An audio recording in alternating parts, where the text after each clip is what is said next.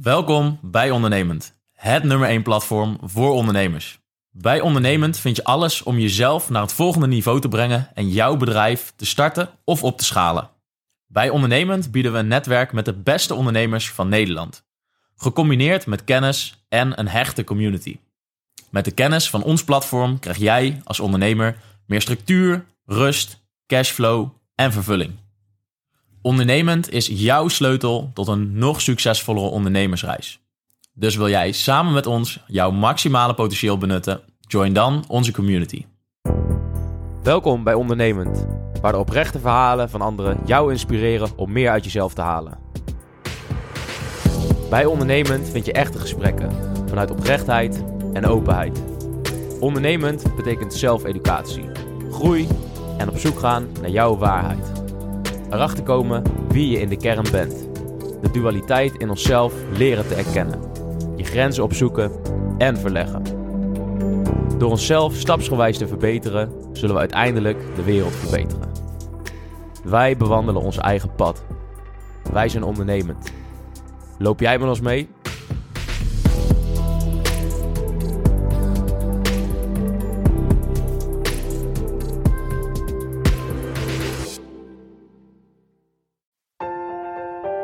En ik weet nog dat ik dan in, in Wieringwerf was ik aan het werk. En dan moest ik een auto halen in Alkmaar. En dan reed ik naar Alkmaar. En dan kwam ik langs het pand. En dan zag ik de elektricien bezig in de tegel zetten. En dan zag ik mijn oom lopen, want die was wat aan het doen. Dacht ik, jezus ik moet al die gasten betalen. Allerdikste huis gezocht wat er was. Dat was niet normaal. Dat huis waarin we zaten, dat was zo gruwelijk mooi. Dus ik dat huis geboekt. Nou, dat ging uh, een vijfde van het budget. ja, oké. Wij, wij hebben s'morgens nog een berichtje naar elkaar gestuurd van... Uh, oké, nou dit wordt een beetje onze grote dag. En smiddags zaten we met een biertje op het terras. Het was de hele droom vervlogen. En misschien uh, kan ik met jou praten over een lening. Het zei, ja, kom zondag maar langs en dan hebben we het wel over. Dus ik reed er op zondag naartoe. En uh, ik, ik vertelde dat. En hij zei, nou, hoe, hoeveel wil je hebben? En toen zei ik 75.000 euro. En hij zei, ja, dat is goed. Ik was eigenlijk helemaal niet enthousiast. Want ik zei, jongens, nou, ik, zeg, zal het maar gewoon eerlijk zeggen. Ik vind mijn werk eigenlijk helemaal niet leuk meer. En nou was de grap dat zij hadden juist een video bedacht waarin je kon zien hoe leuk ik mijn werk vond. Ja, en op een gegeven moment ga je, moet je ook gewoon uh, dingen op je eigen manier gaan doen.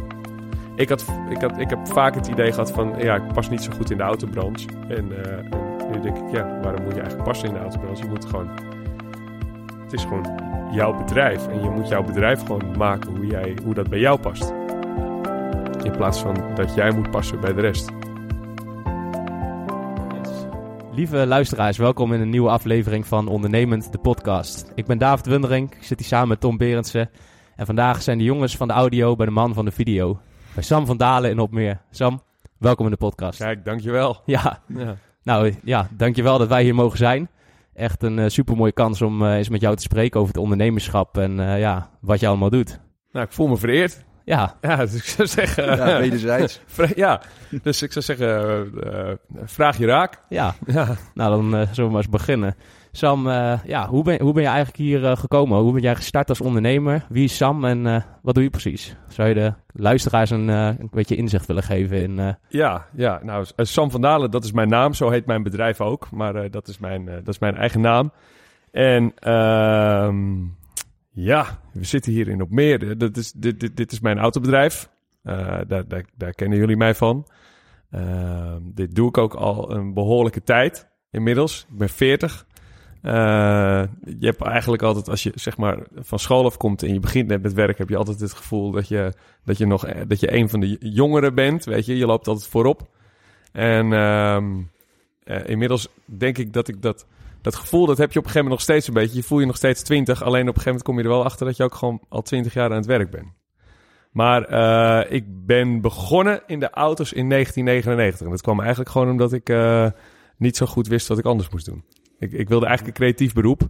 En uh, op de een of andere manier is het toch, is het, zijn het de auto's geworden. Maar uh, uh, ja, door de jaren heen, ja, vormt zich dat een weg. En, en ga je daar een eigen draai in geven. En ik denk dat dat misschien de reden is dat jullie hier, nu ook hier zitten. Mhm. toch? Denk ik wel, ja. Ja. Nou, denk ik wel, omdat je wel, eh, je doet wel iets unieks uiteindelijk. En eh, ja, je bent daar wel eh, een, eh, ja, een, een uitzondering wil ik niet zeggen, maar je, ja, je doet wel iets, iets anders dan anders. Dat sowieso, ja. Ook denk ik omdat je je passie bent gaan volgen en eh, dat is ja, hier, eh, hier beland dan. Ja, ja. Ja. maar dat heeft denk ik wel lang geduurd. Ik, ik, bij, bij mij was, het, was het beginnen van... kijk, ik ben, eerst ben ik in loondienst gegaan. Eigenlijk al, ik, ik, dat ik naar het IVA ging in Driebergen. Dat is een school gericht op de autobranche. Eh, dan moet je op een gegeven moment ook een stageplek hebben. Dus ik, ging, ik moest solliciteren bij een autobedrijf. Maar ik was eigenlijk bijna nooit bij een autobedrijf geweest. En ik ben toen bij een Fiat en Alfa dealer eh, terechtgekomen. Nou, dat, dat, kan je nog steeds zien als je er nu hier eh, om, je, om je heen kijkt. Maar ehm, ik ben daar gaan werken, ook dat ik klaar was met, met school. Ik heb daar vijf jaar gezeten. En op een gegeven moment, ik denk dat ik in die vijf jaar niet heel duidelijk het idee had van... ik, ik wil ook mijn eigen business gaan starten. Ik denk dat ik helemaal niet zo'n duidelijk idee had van wat ik wilde. Eh, je, je, meestal, je doet iets en je, bij mij werkt het zo dat je iets doet... en dat je vanuit daar, eigenlijk dat, vanuit daar het volgende weer ontstaat. Dus ik, ik ben er ook niet goed in om, denk ik, verder dan, eh, dan vijf jaar vooruit te kijken. Misschien ook niet eens verder dan twee jaar. Ehm, maar ik denk dat gaandeweg is wel ergens gewoon door verschillende factoren en omstandigheden is dan het idee eh, ontstaan van, hé, maar wacht even, als ik dit nu doe voor een werkgever en, eh, en ik steek er toch al mijn tijd in, want dat is vaak wat je doet met werk. Je heel, veel, heel veel van je tijd gaat erin zitten. Niet, niet, niet alleen je normale uren, maar ook wat je s s'avonds nog aan doet of als je s morgens vroeg begint of als je er s'nachts nog over nadenkt. En op een gegeven moment eh, was het in mijn geval gewoon zo dat je dan een rekensom maakt. Dat je dacht van ja, maar dan kan ik dat toch beter zelf gaan doen. Dan heb ik er misschien zelf ook nog wat aan.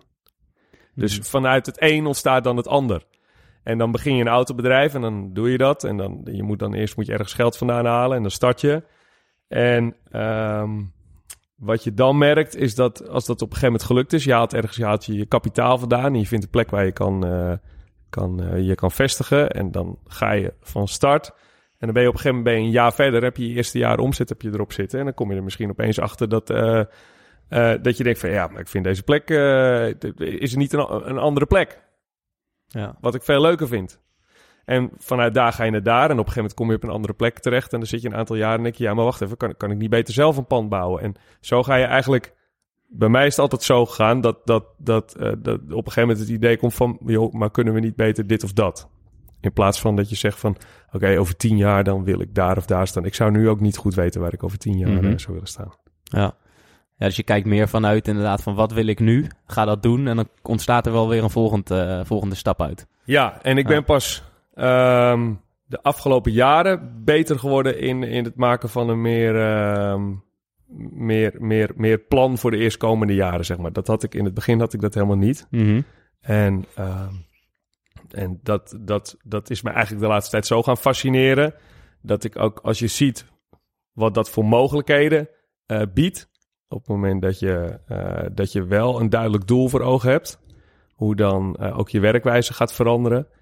En ehm, hoe je daar eigenlijk zelf ook door verandert. Dan verbaast het me eigenlijk. Ik ben nu 40. Volgens mij. Ja, nee, 41, ik ben 41. Volgens mij. Ja, Weet je dat ik het niet eens weet? Ja, maar dat is goed toch? Dat hoeft Ja. ook niet. ja precies. Juli, juli Jong van geest. 1981. Hoe oud ben ik? dan? Ben je Nou. twee- 41. Ik ben 41. Ja, je bent ik ben 41. Maar ehm, ehm, dat, dat hele eh, doelen stellen. In mijn geval een korte termijn doelen. Want ik, ik, ik, heb, ik heb geen vijfjaarstermijn doelen, maar wel zeg maar één of tweejaarstermijn doelen. Eh, dat ben ik eigenlijk zo fascinerend gaan vinden. Eigenlijk de hele chemie die daaromheen hangt. Mhm. Dat ik denk van, hé, hey, wa- wa- waarom... eh, ik, ik kom nu achter steeds meer dingen waarvan ik denk... waarom hebben we dat niet op school geleerd? Ja. En waarom leer je dat eigenlijk nu niet je kinderen al? Mijn dochters die zijn vier en zes. En er zijn echt dingen die ik nu leer... waarvan ik denk, ja, maar wacht even, dat kan ik hun al uitleggen. Dat, dat heeft mij nooit iemand uitgelegd, maar ik kan het ze wel... Ik kan het nu... Daar hebben zij wat aan. Ja. Zoals? Nou, bijvoorbeeld dit. je- bijvoorbeeld dit. Nou, als we dan hebben over doelen stellen, dan, dan is het bijvoorbeeld ehm, eh, het feit dat als jij een. Wat ik dus nooit me gerealiseerd heb, is dat als jij dus bijvoorbeeld een bepaald doel stelt. Eh, laat zeggen, eh, neem nou bijvoorbeeld neem omzet als, als voorbeeld.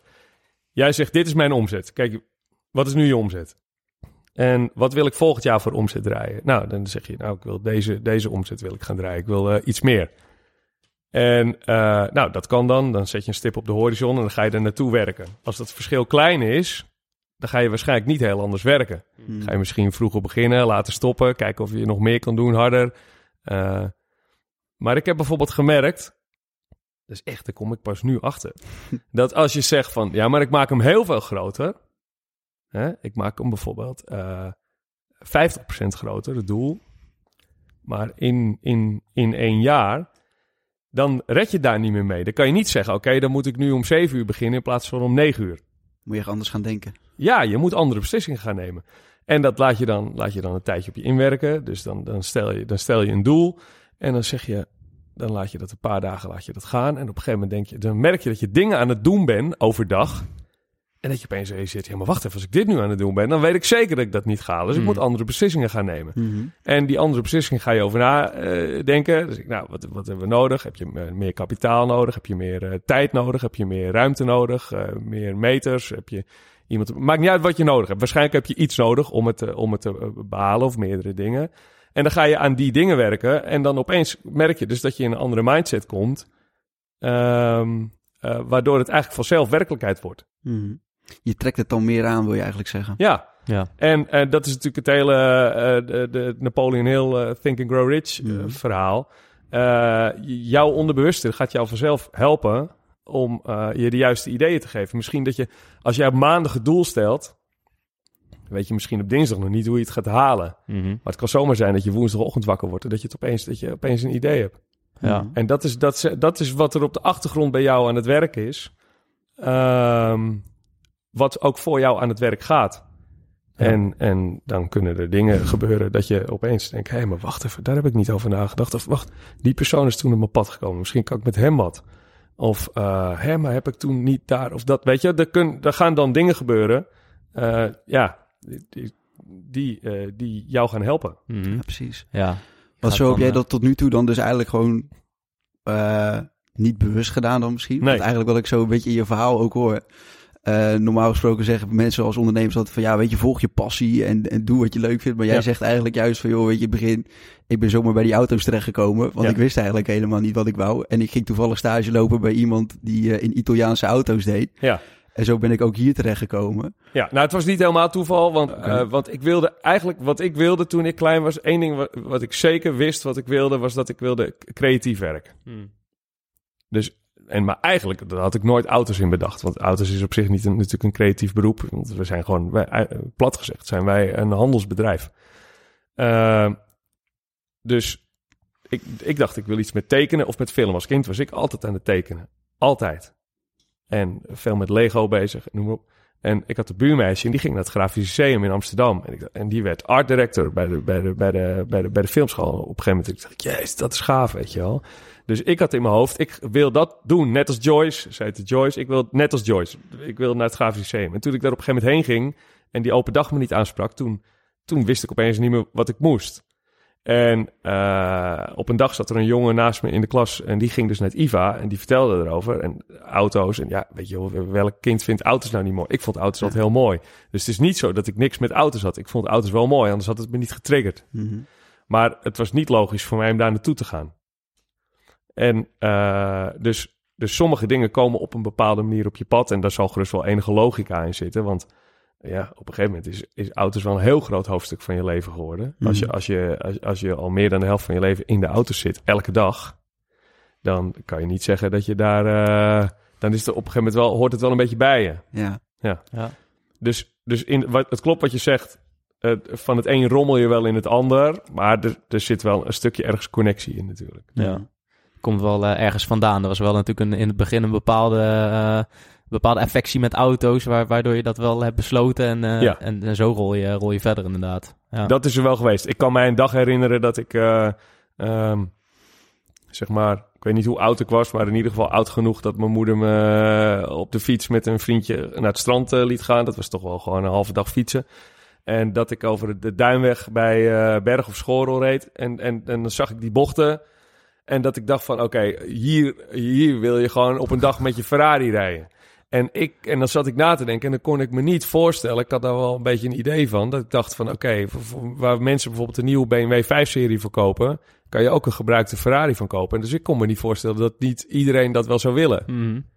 Ik denk, als je, er zijn dus heel veel mensen die dat kunnen doen en bijna niemand doet het. Ja, ja. Dus, eh, dus, dus, dus op, op die leeftijd vind je dat wel al heel gaaf. En zeg je wel, ja, op een dag wi- wil ik een Ferrari. Weet je, dus, dus dat, dat hebben wel, misschien dat andere kinderen Ja. niet zoveel mee hebben, maar dat heb er altijd wel in gezeten. Heb, je, heb je dat toen toch al eh, onbewust misschien gemanifesteerd? Ja. Waar je dat nu misschien bewuster doet met doelen, Ja. had je toch al misschien iets eh, Ja, toen de tijd spelen wat dan eh, ja, op de achtergrond sluimert, zeg maar. ja het zaadje is wel ergens geplant. Ja, ja. Je weet alleen niet, niet eh, van tevoren hoe lang het duurt voordat hij uitkomt, maar Nee, hij was heel, er wel. kan heel lang duren. Ja, ja mooi. En, eh, en in het begin, toen, eh, toen begon je dus met die stage. En nou ja, in, in loondienst heb je natuurlijk ervaring opgedaan. Eh ja. Ja. natuurlijk een beetje gezien hoe de handel in elkaar zat. Toen ging je voor jezelf beginnen. Ik denk dat dat voor de luisteraars wel heel interessant is. Van ja, je kijkt nu natuurlijk, ja, mooi pand, prachtige ondernemer, ja, enthousiaste man. Eh, heeft alles goed voor elkaar. Alleen, ja, er zijn er misschien in het begin ook wel, eh, wel hordes geweest waar je overheen moet. En is misschien allemaal niet eh, vanzelf gegaan. Nee. Kun je eens vertellen over het begin? Hoe, ja, hoe is dat nou als je begint als ondernemer?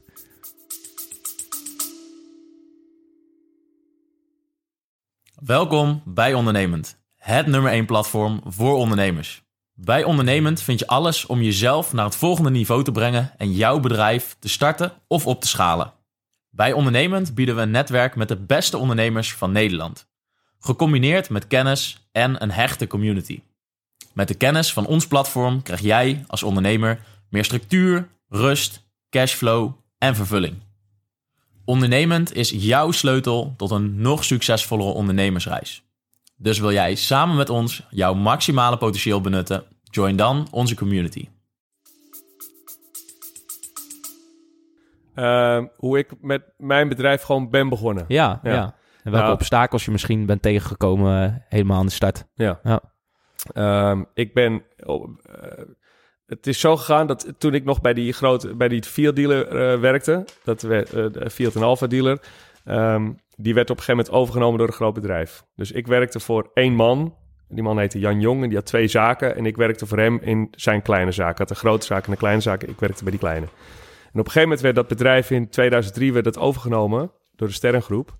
En ehm, werden wij in één keer een bedrijf met 14 vestigingen.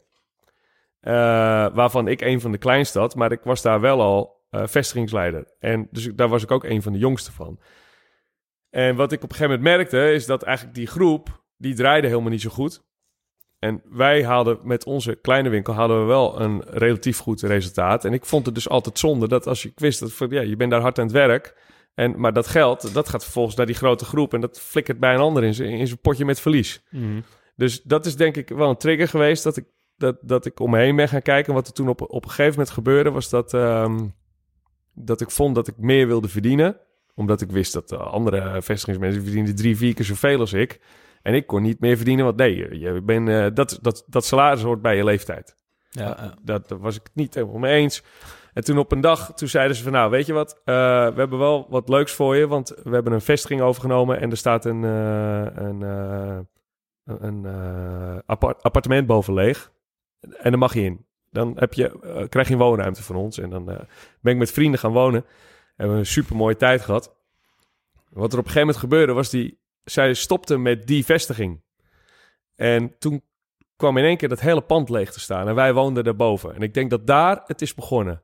Dat ik dacht, want ik had één, ik woonde daar met twee vrienden. En één daarvan, dat is Steven, Steven Koopman. En als je, jullie kunnen zijn naam hier zien staan, want hij is, hij is ja. hier ook mijn buurman. Oh, goed. En ehm eh, Steven, die, eh, die wilde graag een werkplaatsbedrijf beginnen. En mij leek het leuk. Ik heb geen verstand van werkplaatsen, dus ik dacht, maar ik wil wel in een verkoop doen. En toen hebben wij samen het plan gevat om voor onszelf te beginnen. Oh, ja. Daar. Ja. En we wilden dat pand huren. Dus en het pand was van de gemeente, dat werd natuurlijk opgezegd, was leeg. Wij gingen naar de gemeente toe en we hadden bedacht van, oké, als we dit gaan doen, hoeveel kunnen we daarvoor betalen in de maand? Hebben we volgens mij echt een serieus bedrag nog eh, voor opgeschreven. En op een dag hadden we dus, zaten we daar in Zaandam eh, bij die gemeente. Die man die heette meneer Sterk. Ja, die, die nam ons gewoon absoluut niet serieus. Wij, wij hebben s'morgens nog een berichtje naar elkaar gestuurd van... eh, oké, nou, dit wordt hem, weet je, onze grote dag. En smiddags zaten we met een biertje op het terras. Het was de hele droom vervlogen. Of tenminste in ieder geval om daar te beginnen. Ja, ja, ja. Want dan is het zaadje is geplant. En eh, vanaf dat moment was er denk ik ook geen weg meer terug. Dus, dus dat ging niet door. Maar Steven en ik zijn allebei verder gaan zoeken. En eh, hij kwam terecht in Alkmaar. Daar heeft hij meteen echt een heel groot eh, pand gehuurd. En is daar in de, in, in de bedrijfswagens gegaan. En in personenauto's toen ook. En ik ben verder gaan zoeken. En ik vond een, een locatie in Wieringenwerf uiteindelijk. Bij een bestaand garagebedrijf. Maar wat eigenlijk geen verkoop deed. Ah, Dus die hadden wel een werkplaats, alles stond er. Er was een pand eh, met een deur en een bel en een brievenbus en gewoon alles is er. En er zijn monteurs aan het werk, maar ze deden bijna geen verkoop. En toen heb ik aan hem gevraagd of ik ehm, eh, zijn terrein kon huren en een kantoor. En dat wilde niet, want eh, ik zei, als, ja, als ik hier eh, eh, handel ga doen en jij gaat ze klaarmaken, dan kwam er voor hem heel veel werk uit. En zijn klanten werden bediend. Dus maar dan heb je dus geld nodig. ja. Dat is een van de dingen waar denk ik iedereen tegenaan loopt als je voor jezelf gaat beginnen. Dus ja, bij een bank krijg je dan niks. Ik ben bij de ABN AMRO geweest en toen zat ik op een gegeven moment in Schaag op dat kantoor. En toen weet ik nog dat die gozer zei, nou ja, we hebben het overlegd, maar eh, autobedrijven en eh, horeca, dat is, eh, daar zien we niks in. Maar toen zei ik, joh, maar dit, gaat toch gewoon werken? En ik, je moet, ik moet toch wel iets kunnen? Er moet toch wel iets mogelijk zijn? Nou, ging je nog een keer overleggen en toen kwam je terug. En zei nou, als je een heel goed plan hebt, dan kan je 10.000 euro lenen. En nou ja, als je een beetje weet hoe een autobedrijf in elkaar zit, met 10.000 euro, dan kan je nog niet, dan kan je misschien net een oude Jeep kopen met een aanhanger erachter om wat op te zetten, maar dan heb je nog geen geld om er wat op te zetten. ja. Dus dat heb je niks aan. Dus dan moet je, eh, als, als je het bij de banken niet kan krijgen, ja, dan zullen er misschien eh ook mensen zijn die dan zeggen van, ah ja, oké, dat gaat dus niet. En ik, ik kijk misschien volgend jaar weer. Maar ik denk dat er ook veel mensen zijn die dan zeggen, ja, maar, dan, maar dan- ja waar ga ik het dan vandaan halen? Want dat is dan je uitdaging, toch? En in mijn geval, ik ben toen naar mijn ehm, eerste werkgever toen gegaan, die mij dus in de tijd in de auto's heeft aan- aangenomen. En die, eh, dat is dus Jan Jong. En die had in 2003 het bedrijf al verkocht. Dus die zat ook niet meer eh, in, eh, in de divisie van waar ik werkte. Dus het was ook niet, weet je, het, het kon. Er was genoeg afstand om het te vragen. Hij was op dat moment niet mijn werkgever, ondanks dat hij bij hetzelfde bedrijf werkte. En met Jan heb ik altijd heel veel mazzel gehad.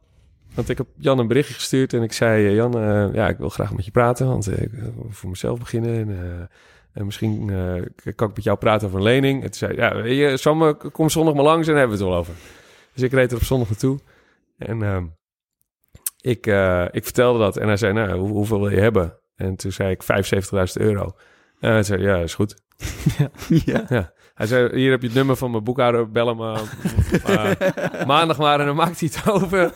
En dan betaal je het in vijf jaar terug.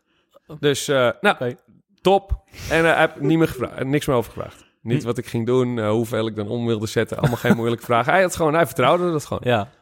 En ehm, ja, als je zoveel vertrouwen krijgt ook van iemand, dat is natuurlijk best wel een bedrag, zeker voor als je eh, 23 bent, dan, eh, en is niet echt zekerheden zijn er natuurlijk niet, want je kan het net zo goed eh, ook in drie maanden al op hebben. Maar dan, eh, ga, ja, dan zorg je natuurlijk ook voor dat je nooit eh, één betaling te laat bent. Ik bedoel, dat is gewoon, je bent heel blij dat je dat kan lenen en het maakt eigenlijk dan ook niet zoveel uit hoeveel rente je bent. Je bent gewoon aan de bak. Ja. Dus toen ben ik begonnen. En ik heb er pas later over nagedacht, denk ik. Misschien twee jaar later of zo kwam in één keer de gedachte in me op van... hé, hey, wat is nou niet was gelukt, weet je wel? Daar had ik, heb ik gelukkig toen nooit over nagedacht. Toen nooit meer stilgestaan. nee, want, want, want dat is misschien ja, wat je kan bedoelen met als je zegt... als je maar gewoon begint. Eh, stel, je wil voor jezelf beginnen. En dan nou, dus zoek je een plek. Ik ga daar beginnen. En dan ga je, eh, vind je ook nog iemand van wie je geld eh, kan lenen. Dus eigenlijk kan je dan beginnen. Maar wat als je er dan over na gaat denken... ja, maar kan dit wel, weet je wel? Als je dan denkt van, eh, wat als het misgaat? Of hoe snel is het? Ik denk dat het dan niet goed gaat. Mm. Als je die mogelijkheid in je hoofd houdt, dan Ja. wordt het heel moeilijk. Ja, dat denk ik. Ja. En eh, ik heb altijd eh, me pas een beetje zorgen gemaakt, zeg maar. Als ik me zorgen maakte om dingen, was het altijd pas na de beslissing.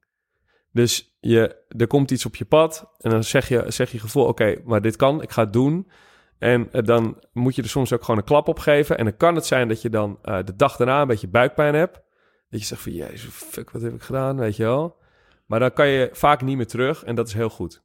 Oké. Dat doe je vaak, doe je dan de beste deals. Zo heb ik echt meerdere keren, zo heb ik de grond voor dit pand gekocht. Zo heb ik de aanbesteding van dit pand gedaan.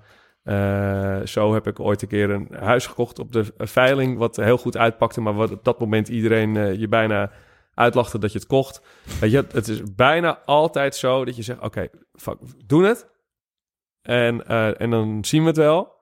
En dan heb je ook geen eh, weg meer terug.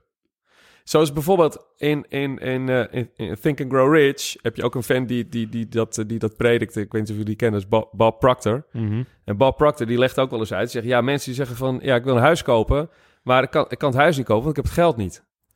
Hij zegt, Bob Proctor, je hebt het geld ook helemaal niet nodig, want je gaat het huis toch niet kopen.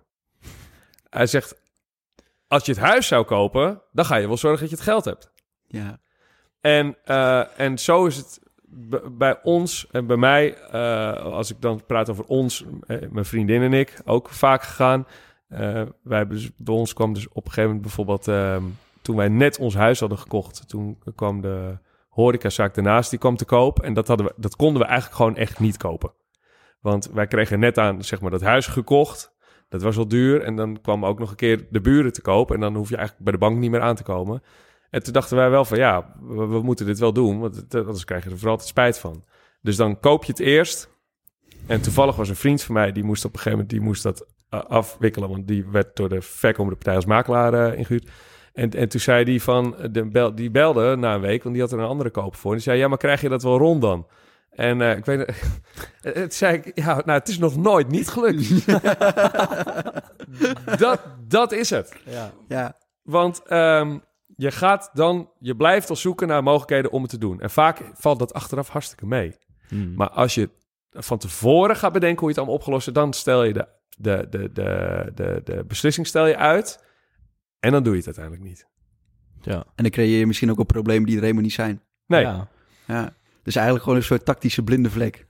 ja, die moet je soms eh, wel he- hebben, denk ik. Of tenminste, ik denk dat het gezond is om die te hebben. In, in, eh, gewoon in handel en in eh, beslissingen nemen is het, denk ik, dat degene die snel kan beslissen en snel durft te beslissen, die zal, denk ik, altijd eh, over de hele termijn altijd betere zaken doen dan degene die eh, alles eh, afweegt. Juist. Mhm. Ja. Ja.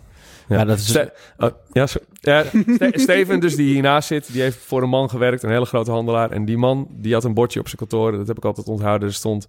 ehm, ehm, Heb je het altijd onthouden? ja, fuck! En nou moet ik het tegen jullie zeggen, dan weet ik het niet. Eh, fuck it, hoe was het nou? De, Ja, Eh, zien. Zou ik dit eruit knippen? Ja. Nee, nee, nee, nee, nee, nee, nee, ik ben ook niet perfect.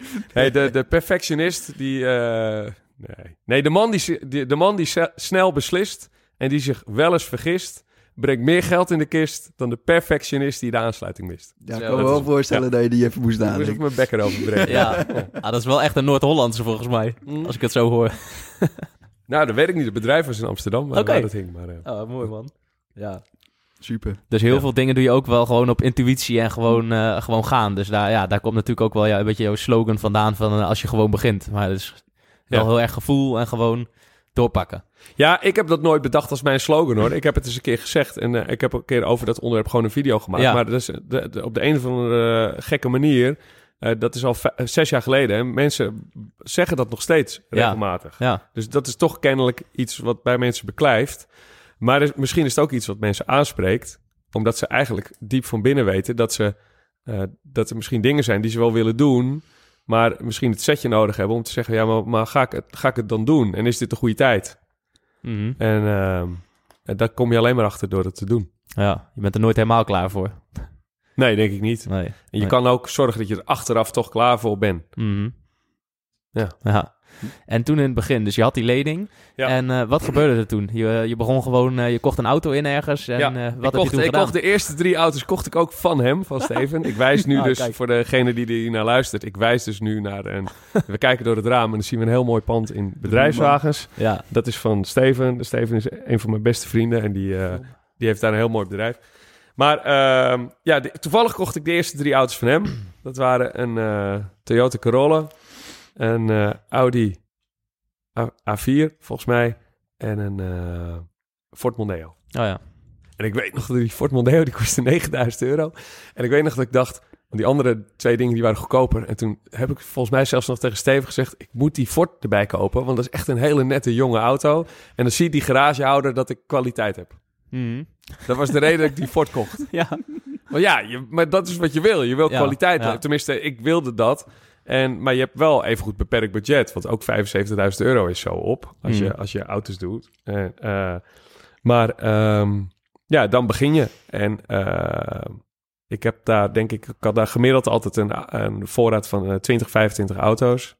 En ik heb er in het eerste jaar 284 verkocht. Zo. Ja. Dat is wel flink. Ja, en toen werkte ik wel bijna dag en nacht. Ja. Want, want dan, nu verkopen we dat nog steeds. We doen er nu ook iets van 350 per jaar. Maar toen deed ik dat in mijn eentje. En nu doen we dat hier met een bedrijf. Ja, want als je dan even uit gaat terugrekenen in eh, werkdagen met eh, vakantie en zo eraf, dan moet je dus eigenlijk elke dag ongeveer wel een auto verkopen. En inkopen. Ja. Ja. En ophalen. Ja. In je eentje allemaal, ja. Ja, ik Ja. had er wel heel snel iemand eh, twee dagen in de week bij. Ja. Maar, eh, maar ik heb toen wel heel veel, eh, heel veel gewerkt. Ja. Zo. Maar als je nu, eh, je zegt net van, joh, weet je, helemaal in het begin, dan wil je eigenlijk graag alles netjes doen. Ja. Maar je bent ook zo keihard aan het werk. Ja. Houdt dat een beetje balans? Ja. Ja, dat heb je altijd gewoon netjes vol kunnen houden? Ja, ja. Dat was niet Ja, iets- nou ja, ik, ik ben redelijk perfectionistisch. En eh, ehm, ja, je gaat gewoon door totdat iets af is. Ja. Mhm. Maar je loopt ook snel tegen je grens aan. Want je grens is natuurlijk... eh, je grenzen zijn je tijd, eh, je budget... en ja, de mogelijkheden die je op dat moment gecreëerd hebt. Mhm. Dus eh, op een gegeven moment kom je er wel achter van... ja, ik moet hier gewoon fulltime iemand bij. Of ik moet meer ruimte.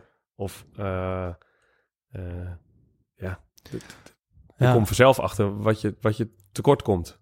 En hoe was dat dan om vervolgens die stap te maken? Dat je dan vervolgens zegt van, ik heb het de hele tijd alleen gedaan en nou neem ik er iemand bij. Ja, dat ging bij mij redelijk geleidelijk. Want ik had die eerste, die eerste, die had ik eh, volgens mij redelijk al vanaf het begin twee dagen in de week. En ja, daar maak je dan denk ik binnen, volgens mij is, dat, is hij binnen een, eh, een half jaar of drie kwart jaar een fulltimer geworden. En daarna heb ik er altijd iemand bij geha- gehad, fulltime. Dus ik ben na eh, anderhalf jaar eh, ben ik verhuisd naar Herengewaard. Want ik wilde graag een showroom. Ik had in, in Wieringwerf stond alles buiten. En dat vond ik echt zonde. Want ik liet alles poetsen. En dan staat een auto op maandag helemaal mooi gepoetst ervoor. En als er op vrijdag iemand voor langskomt, dan is hij soms al niet meer om aan te zien. Mhm. Want het heeft geregend, het is stoffig. En eh, dat vond ik, eh, vond ik eh, ja, eigenlijk heel erg. Dus vandaar dat op een dag, toen er een, een, een kennis van mij langskwam, die ook in de auto zat, die zei, Niels heet hij, die, die kwam gewoon een bakje koffie drinken. Die zei, hey Sammy, gaat die? Gaat die lekker? Ik zeg, nou, eh, ik, ik vind er eigenlijk helemaal niks aan. Hij zegt, hoezo niet? Nou, ik zeg, moet je naar kijken, man. Weet, weet je wel. Ik vond eigenlijk, het was eigenlijk niet voor elkaar. Je had alles buiten staan. Ehm, het waren ook niet echt de auto's die ik zelf mooi vond. Want ik, ik, ik, ik ben dus ook niet meteen alleen maar Alfa's gaan doen. Het eerste jaar heb ik echt ook allemaal andere merken gedaan. En dat ik altijd wel twee of drie Alfa's erbij staan. Maar de rest was ook gewoon eh, Volkswagen, Opel, eh, Renault, noem maar op. En, eh, en toen zei Niels, die zei, ja, maar dat snap ik toch, want eh, hij praat altijd heel snel. Hij zegt, jij moet gewoon een mooie winkel hebben. Weet je wel? Kom, kom, gaan kijken. Dus wij naar binnen gegaan en toen hebben we op eh, Funda gekeken. En toen stond er een, pand te huur, stond toen net te huur. En dat was een pand, dat, dat kende ik heel goed, want daar reed ik vaak langs. En dat was twee jaar daarvoor, toen ik bezig was om voor mezelf te beginnen, werd het net nieuw gebouwd. En dat stond te huur. En toen ben ik daar meteen met Niels naartoe gereden. En toen bleek ik de eigenaar te kennen. Want het was van een, de eigenaar van een motorzaak daar, eh Axel's Bike Shop. En, eh, en toevallig kende ik Axel van een weekend dat we jaren daarvoor, dat ik bij de Fiat dealer hadden we op een gegeven moment altijd motorweekend in Schagen. En dan was er één zondag en er stonden, eh, stonden er motorzaken bij de autobedrijven. En Axel stond toen toevallig bij ons. Dus toen dacht ik, hé, hey, dat is grappig. Die man die ken ik. En liet hij met pand zien. En toen hebben we eigenlijk eh, heel snel, eh, ik, ik denk dat binnen een dag geregeld. En toen heb ik alles, het was een nieuw pand, zat geen tegelvloer in, zat geen verlichting in, er ontbraken nog wanden en zo. Het was wel heel mooi, maar het was nog heel basic. En toen is denk ik alles wat ik in die eerste anderhalf jaar heb gedaan, heb verdiend, dat ging allemaal in dat pand. Dus eh, dan ga je een tegelvloer laten leggen en, en een partij lampen kopen en bureaus en noem maar op. En ik weet nog, een alarmsysteem moest erin en moet geschilderd worden, noem maar op. Nou, als je net anderhalf jaar bezig bent, en ik heb jullie verteld met welk kapitaal je bent begonnen, dus die 75 mil. Nou, dan verkoop je dat een jaar lang. En dan, en dan ga je eigenlijk meteen al verhuizen. Nou, dan kan je wel uitrekenen eh, dat, dat ook zo, wat je verdiend hebt, is ook zo weer op. Ja. Ja, ja. En ik weet nog dat ik dan in, Heer, in Wieringwerf was ik aan het werk. En dan moest ik een auto halen in Alkmaar. En dan reed ik naar Alkmaar. En dan kwam ik langs het pand. En dan zag ik de elektricien bezig in de tegelzetter. En dan zag ik mijn oom lopen, want die was wat aan het doen. Dan dacht ik, jezus, ik moet al die gasten betalen. Met die auto die achterop staat. Ja, maar die auto die achterop staat, ik moet doorrijden maar, weet je wel. Dus eh, ja. ja, dus op een gegeven moment was het klaar. En toen ging ik daarin. En eh, toen heb ik, heb ik echt een tijdje goed stress gehad. Ja, Toen ben ik ook heel even, want toen is de jongen die fulltime bij me werkte toen, eh, die stopte. En toen had ik net een nieuwe aangenomen. En toen heb ik tegen die gezegd, ik zeg sorry, maar we moeten dit toch niet gaan doen. Want dat kon eigenlijk al niet uit. Daar beginnen met een heel klein budget en iemand erbij. Mhm. En het was een, eh, een stagiair die eigenlijk ook wel in, in volle dienst wilde komen. Maar dat, dat, dat kon gewoon nog niet. Dat heb ik het een heel tijdje, ik denk een paar maanden in mijn eentje weer gedaan. En dan weet ik nog dat ik, dat is een, eh, voor mij een, eh, een moment, dat zal ik nooit meer vergeten. Stond ik, s morgens keer was heel mooi weer. En stond ik bij ons eh, in de hoek van de showroom voor in de weg, stond ik te stofzuigen. En de zon die kwam zo op. En toen dacht ik, als ik hier over een jaar nog steeds kan stofzuigen, dan heb ik het goed gedaan. Ja, Ja, mooi man. Dus, dus daar, dat was een hele mooie winkel. Heb ik ook een hele leuke tijd gehad. En ik denk dat ik daar drie, vier maanden bezig was. En toen gebeurde eigenlijk weer hetzelfde. We dronken daar altijd op vrijdag en zaterdagmiddag een biertje. En toen zei, met die jongens van de motorzaak. En toen zei een van die jongens, eh, of Axel volgens mij zelf, die zei van nou, hoe gaat het? En het gaat goed hè? En je verkoopt goed. En toen zei ik ja, ik zeg maar, ik vind het eigenlijk, eigenlijk kwam weer datzelfde. Ik dacht van ja, ik vind het eigenlijk niet zo leuk. Want eh, ik had daar wel denk ik over nagedacht, maar toen hij het vroeg, toen wist ik het meteen. Dus het was weer eenzelfde soort moment. En toen Hm. zei ik, ik wil eigenlijk alleen nog maar Alfa doen. Want ik had daar ook een Volkswagen staan en een Mercedes en een Renault. En dat paste me helemaal niet. Want ik dacht, ja, dit is een kleine winkel, er past ongeveer 25 auto's in. En je bent eigenlijk een van de velen. Je wordt hier nooit bijzonder mee. Dus een, een- er gaan geen mensen zeggen, nou, je moet echt naar hem toe, helemaal in Noord-Holland. Want die heeft eh, een hele leuke mix van 25 verschillende auto's. Ja, ja.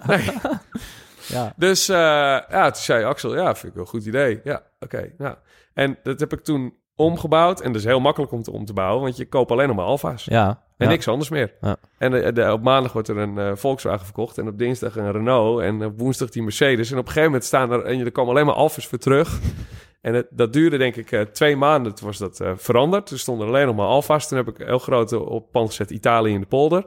ja, mooi. Ja, en, ehm, en toen, eh, en wat er gebeurde, vond ik wel grappig, was dat eh, er kwamen er, mijn naam is Sam van Dalen en je had vroeger, had je dus een, een, had je een hele grote Alfa dealer, die is heel bekend in Nederland, heet Sam van Lingen. En, eh, en er kwamen mensen binnen en dan zagen ze die Alfa en zeiden, oh ja, het lijkt wel erg op eh, Sam van Lingen. Ja, ja, eh, ja, Heb ja, je dat weer? zo heet ik. ja, kan ik er nou aan doen? Dus, maar wat, dat, dat was het begin. Dat zeiden ze dan in het begin. En dan merkte ik na vier maanden, denk ik al, kwamen de mensen bij ons binnen. En dan zeiden ze, ja, we komen hier een keer naartoe. Jullie hebben altijd van die mooie auto's. Ja. Altijd. Altijd, altijd van die mooie Alfa's, ja. Ja. Het is altijd. Dus Ja. dan doe je het zeg maar vier maanden op Ja, die toen was het manier. al goed. En dan is het eigenlijk al, want mensen zijn aan het zoeken. En die zijn misschien een paar maanden aan het zoeken. En die zijn elke keer zien ze jou. Ja, Weet je wel, want jij hebt gewoon 30 van die dingen staan, allemaal mooi. ja, Dus, ehm, dus dat begon meteen te werken. ja. En op een gegeven moment ben ik daar Maserati aan toe gaan voegen, omdat ik gewoon zelf enorm fan ben van Maserati. En eh, Fiat hebben we er altijd een beetje bij gehouden. Dus eh, daar heb ik vijf jaar gezeten. En waarom dan Alfa in het begin?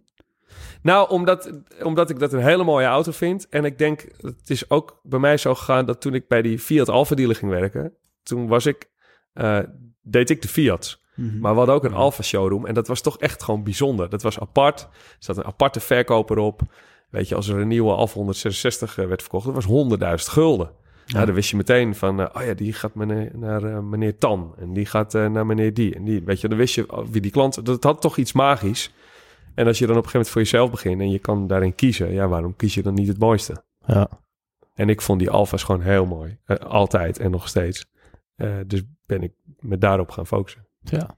Ja, dus op een gegeven moment heb je echt dat onderscheidend eh, vermogen daardoor gecreëerd. Ja. Maar in het begin was je natuurlijk gewoon eh, autohandelaar, zoals er natuurlijk heel veel autohandelaren van, van alles in en verkopen. Anderhalf jaar lang, ja. Ja, en hoe heb je toen eigenlijk toch dat, dat onderscheid weten te maken, of eigenlijk ja, het verschil weten te maken, of dat succesvol eh, vol weten te doen? Hoe werkt dat in zo'n in zo'n autobranche? Dat is gewoon. Nou, dat werkt eigenlijk heel simpel. Dat je, de, je moet de mooiste auto kopen eh, eh, voor, een, eh, voor een juiste prijs. En je prestatie moet goed zijn. En vervolgens moet, je service goed zijn. Dus als iemand je dan belt, dan moet het verhaal daarna ook kloppen. Dus als iemand een auto ziet online en die staat goed gefotografeerd en de advertentie klopt en alles, dan, dan, dan moet. En hij komt, neemt daarna de moeite om naar je toe te komen. Dan moet alles dan ook in orde zijn. Als het dan tegenvalt, dan sta je zes punten achter. mhm. En, eh, en ik denk dat dat kan je overal wel laten kloppen. Ook al zit je op een terrein. Er zijn nu ook genoeg autobedrijven, al ga je kijken, eh, die, die bijvoorbeeld klein zijn, die beginnend zijn, maar die het wel gewoon echt heel mooi voor elkaar hebben. Weet je, ook, ook buiten kan het er heel netjes bij staan. Dat je straatje goed geveegd is en, eh, en, en je handel is goed, dan, dan kan je even goed die kwaliteit leveren. Ja. Dus toch heel erg focus op kwaliteit en daar, daar het onderscheid in maken. En dan moet wel nog steeds altijd je prijs moet correct zijn. Want als je Mhm. Eh, helemaal in die handel, zeg maar, eh, zeg maar tussen de, tussen de 5 en de 15.000 euro. Als je 1000 euro te duur bent, dan komt iemand niet. ja. Want zo dicht zit het op elkaar. Ja, daar heb je natuurlijk voor een bepaald type auto. eh, als mensen gaan zoeken op internet, dan weet je wel van... Oh, die kost ongeveer tussen de bijvoorbeeld 4,5 en de 5,5. En daar moet het wel ergens liggen dan. Ja, en dan ga jij hem voor 5900 niet verkopen. Nee, Nee. nee. Ja, zo strak is die handel natuurlijk wel. Dat is wel Ja. echt... eh, ja. Dus Ja. daarom is bijvoorbeeld, ja, inkoop is in ons vak is een van de belangrijkste dingen. Eh, als je inkoop niet klopt, dan, eh, dan wordt die ook niet verkocht. Ja. En als je inkoop wel klopt, als je echt, echt een mooie auto hebt, die, misschien Mhm. die een ander niet hebt, dan wordt die altijd verkocht. Ja. Ja. Dus En je hebt op een gegeven moment dus echt een keuze gemaakt. Dus Alfa Romeo. En toen merkte je eigenlijk al vrij gauw van... door ergens voor te kiezen en specifiek ergens voor te gaan... misschien ook een specifieke doelgroep... ging dat eigenlijk nog veel beter dan voorheen. direct. Ja. Ja. Nou, dat is wel mooi, want dat zie je heel vaak. Ja, dat, dat eigenlijk op, op het moment dat je met je onderneming iets gaat doen wat eh, ja, onderscheidend is, of dat je nee gaat zeggen tegen, tegen dingen, ja, en ja zegt tegen één specifieke doelgroep of één specifiek product, dat het dan juist heel erg gaat werken. Ja. Ja. Ja, dat klopt. En Dat het niet een kwestie is van zoveel mogelijk dingen doen, maar ja, één ding misschien heel goed doen. Ja. Ja. En, en, en veel andere dingen niet doen. Ja, dat is denk ik ook, dat heb ik ook pas geleerd. eh, naarmate je ouder wordt, weet je. Je moet op een gegeven moment, je moet tegen heel veel dingen ook nee kunnen zeggen. Ja. Iedereen heeft maar zoveel uur. Weet je, j- jullie en ik hebben eh, tien uur om ons werk te doen op een dag. En eh, Donald Trump heeft ook tien uur om zijn werk te doen op een dag. Misschien twaalf. Ja. Hij heeft geen dertig. Nee. Nee. nee. Nee, dat is altijd wel mooi. Van, eh, heel veel mensen zeggen dan van ja, daar heb ik geen tijd voor. Maar ja, eigenlijk heb je helemaal je hebt geen tijd, want iedereen heeft dezelfde tijd. Je hebt alleen maar je prioriteit. Ja. Dus wat doe je met je tijd? Dat is eigenlijk gewoon de vraag. Ja. Ja. Ja, zet je s'avonds de tv aan of ga je wat anders doen? ja. Ja. Of ga je eh, auto's eh, zoeken op internet en eh Ja, Het inkopen. is ook een valkuil, hè? Ja, Want bijvoorbeeld mijn vriendin, die is, die is tekstschrijver en fotografe. En die heeft ook nog een, een blog voor paardenmeisjes. En bij ons is het wel een valkuil dat je s'avonds... eh ja, dat je om tien uur, half elf allebei nog met die laptop... En dat is natuurlijk eigenlijk niet hoe je het s'avonds... Dat is wel... Dat is een, eh, het is een kans voor je werk, Ja. dat, dat het altijd maar door kan gaan. Maar het is wel een valkuil voor je... Op een gegeven moment... Ja, dat heb ik toch ook wel. Dat je denkt van, ja, je moet niet zo strak zijn dat je 60 bent achter je kijkt en ik heb echt alleen maar gewerkt, weet je. Ja. Ja. Dus daar probeer ik wel om te denken, om daar structuur in te houden. Maar eh, eh, ja, weet je, als het dingen zijn die jij s'avonds doet die je leuk vindt. Bijvoorbeeld, ik heb dat met, met video maken. Ik edit zelf. Hm. Nou, en eh, editen, daar gaat gewoon heel veel werk in zitten. Nou, ik kan je vertellen, die tijd heb ik hier overdag op het werk echt niet. Nee. Nee. En ik heb jonge kinderen en ik ben altijd gewoon, tenminste bijna altijd, gewoon kwart over zes thuis en eten we samen. Ja. En je legt ze samen in bed. Maar als je dan dus nog, bijvoorbeeld als je dan nog een video wil maken, ja, dan eh, gebeurt dat waarschijnlijk wel ergens tussen eh, tien uur s'avonds en eh, vier uur s'nachts. ja. ja, en dat, dat, dan ben je misschien een keer een dagje een beetje verrot. Maar dan heb je hem wel gemaakt. Ja. Ja. Wanneer Ja. kwam die keuze, eh, Sam? Want je hebt het dan inderdaad over keuzes maken. En dat je tegen een hele hoop dingen dan nee moet zeggen. Maar op een gegeven moment had je dus wel zoiets van... ik ga die andere passie die ik ook nog heb van dat video maken... Ja. die ga ik ook in dat bedrijf betrekken. Wanneer, hoe, hoe is dat dan een beetje tot stand gekomen? Nou, dat is een heel duidelijk moment geweest bij mij. Ik, ik had eerder al eh één keer een video eh, gemaakt, maar die had ik laten maken. Ik denk drie jaar voordat ik eigenlijk begon met video's. En dat vond ik niet echt een optie, want iets laten maken is gewoon heel duur. Ehm, en de, het moment waarop ik echt video, echt mijn video hoofdstuk is begonnen, dat is in 2015. Ehm, toen was net mijn eerste dochter eh, geboren, Do. En eh, dat was ook een moment dat ik eigenlijk mijn werk helemaal niet meer leuk vond. Toen zaten we hier al. Ik had nieuw gebouwd, maar dat, was inmiddels al. Zaten we hier alweer drie jaar in dit pand. En eh, ja, weer een moment dat je denkt van, jeetje, weet je wel, is dit nou eigenlijk wat ik wilde doen? Ik heb een hele mooie winkel gebouwd en eh, het gaat goed. Maar ik wilde toch altijd iets doen met, eh, met televisie of met reclame. En ik heb het nooit gedaan. En je wordt ouder, hè? Dus eh, ik was toen dus 35, 36, 4, 34 denk ik. 35. En dan denk je, ja, als ik dit niet gewoon ga doen, dan krijg ik er spijt van. En dat gaat, kan een beetje aan je knagen. En toen op een dag reed ik eh, naar het werk. En toen had ik, had, ik had ik een idee voor een video. Toen dacht ik, nou oké, weet je, ik zou wel zo'n zo'n video... Ik had een idee voor een video en dat vond ik een, eh, vond ik een leuk idee. En op diezelfde dag dat ik dat idee had, stond ik bij de pomp. En toen kwam ik een klant van mij tegen die eh, een bedrijf had in, het maken van video's. En toen zei ik, hé, hey, wat grappig, weet je. Ik had een idee voor een video en dan kom ik jou tegen. En hij zegt, nou, weet je wat? Hij zegt, dan kom ik bij je langs met Harmen, onze, onze editor. En dus op een dag kwam, hij met uh, Harmen langs. En toen had ik me hier al op zaak, had ik mijn idee verteld. En eh, hun vonden het niet een heel goed idee. en toen is dat een beetje doodgebloed. En toen kwamen zij, ehm, eh, denk ik een maand later, kwamen zij met een idee. Toen zeiden ze, ah, Sam, we komen bij langs. We hebben echt een goed idee. Nou, toen kwamen ze hier met z'n allen. Kwamen ze met z'n vieren, denk ik. En het stonden we hier, was in de zomer. Do was net geboren, die was twee weken oud. En toen hadden ze een heel, eh, heel idee. En dat was een video, en, maar die moesten filmen in Italië. En dat, wat was nou de grap? Zij ging op vakantie naar Italië. Dus zij zei, dit is makkelijk, want jij komt gewoon naar ons toe. We hebben daar al huis. En dan gaan we het allemaal filmen en dan is lachen. Weet je wel? Dus, en, en toen eh, kon ik... Ik was eigenlijk helemaal niet enthousiast. Want ik zei, jongens, nou, ik, zeg, ik zal het maar gewoon eerlijk zeggen. Ik vind mijn werk eigenlijk helemaal niet leuk meer. En nou was de grap dat zij hadden juist een video bedacht... waarin je kon zien hoe leuk ik mijn werk vond.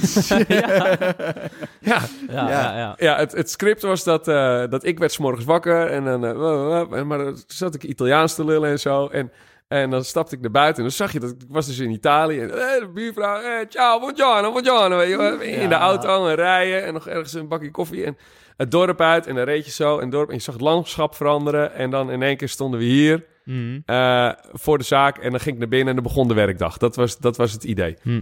En dan zeg maar met iets van in strekking van... eh, wij brengen echt Italië naar de polder, weet je wel. Ja. En toen dacht ik, oké, nou, dan moet ik dus gaan vertellen hoe leuk ik... eh, ga ik dus uitdragen hoe leuk ik het allemaal vind. En ik vind het helemaal niet leuk.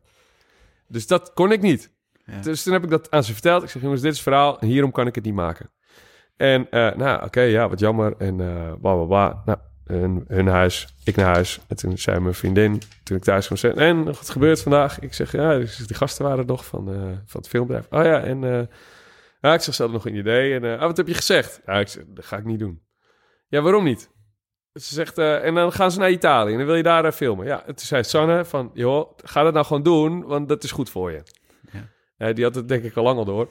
dus ik zeg, eh, vind je dat? Ja, ja ga, ga er maar naartoe, daar knap je van op. Toen ben ik met die gasten meegegaan, hebben we een auto op naam gezet, een eh, zwarte Maserati Grand Sport. En twee van hun waren er al naartoe en twee zijn er bij mij in de auto gestapt. En toen zijn we daarheen gereden. En, eh, en toen was ik eigenlijk hartstikke nerveus. Want, want eentje die zat de hele tijd op de achterbank met, die, met zijn camera. Zo dacht ik, is hij nou aan het filmen? Wat zijn we het doen? En toen, ik zat me daar een beetje druk over te maken. En toen reden we bij Frankfurt. En toen zei ik tegen de jongen achterin, Jorg. Ik zeg, Jorg, ja, ik, zeg, ik weet niet wat je, wat je aan het filmen bent. Maar eh, ik, ik wil eigenlijk helemaal geen, eh, niet zo'n zo'n autofilm maken, weet je wel? Wat, wat, hoe autoreclames zijn. Dat vind ik gewoon helemaal kut.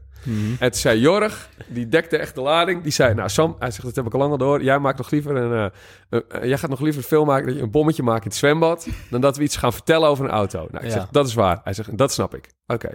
Nou, dat was een hele opluchting voor mij. Mhm. Dus wij gaan dan toe.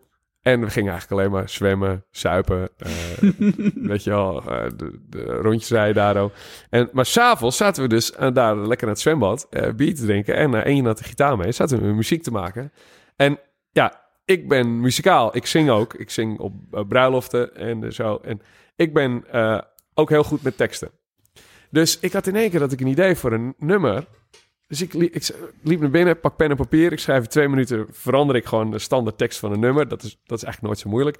En ik kom weer naar buiten en ik, heb die, ik hou die tekst voor. Hij weer op de gitaar, ik zing het mee. Nou, die gast dan, ja, lachen, dat gaan we doen, gaan we doen. Dat was eh, All About Ass. Ja, All ja, About ja. That Bass van, van Megan Trainor. Ja, ja, ja. En uh, daar maakte van All About That Ass. Ik zeg, dan gaan we dit doen en dan gaan we alleen maar die achterkant van die auto filmen. Alleen maar die kont. Mhm. En, eh, nou, oké, lachen. Hebben we de laatste twee dagen hebben we dat gefilmd. Toen naar huis gegaan. En toen dacht ik van, ja, maar en nu? Weet je wel, en nu heb je dus beelden en wat ga je nu doen? En dat vroeg ik aan Harmen. Harmen zat bij mij in de auto. Harmen is echt mijn, eh, mijn edit-held. Eh, Har- Harmen die kan... eh, ik, ik, ik vind dat ik inmiddels eh, redelijk kan editen, maar Harmen is echt op edit-niveau echt een 10. Mhm. En ik vind wat hij maakt is echt kunst. En dat, ik heb het geluk eh, gehad hem te, hem te leren kennen. En het leuke was wat, wat Harmen zei. Die zei, nou weet je Sam, kom er maar gewoon bij zitten en laat ik het je zien. Maandag was mijn vrije dag en dan ging ik elke maandag ging ik naar hun toe. En dan mocht ik met Harmen achter de computer zitten en dan ging Harmen gewoon editen. En dan zat ik te kijken wat hij deed. En ik had dat redelijk snel door. Dus er waren dingen dat ik dus zei van... joh, maar als je dit nou zo, zo doet... of als je die twee omdraait... of als die een fractie korter is... weet je, soms is één frame erbij of eraf is het verschil. En, eh, en Harmen die had wel door van... eh, eh, dan hoorde ik bijvoorbeeld... oh ja, oh, ja, weet je, die was wel enthousiast. Al- Als ik, als ik dingen had had ik altijd door dat Harmen dat wel goede dingen vond. Dus ik kreeg er wel vertrouwen in. En wat Harmen op een gegeven moment deed, die liet me dus ook naar andere projecten kijken. Ze hadden bijvoorbeeld projecten voor eh Meeuwis of eh, voor eh, hier de gemeente Medeblik of eh, voor een, hele grote bloemenkweker. En dan, en dan liet hij projecten zien waar hij nog mee bezig was. En dan zei hij, kijk hier eens naar, wat vind je ervan?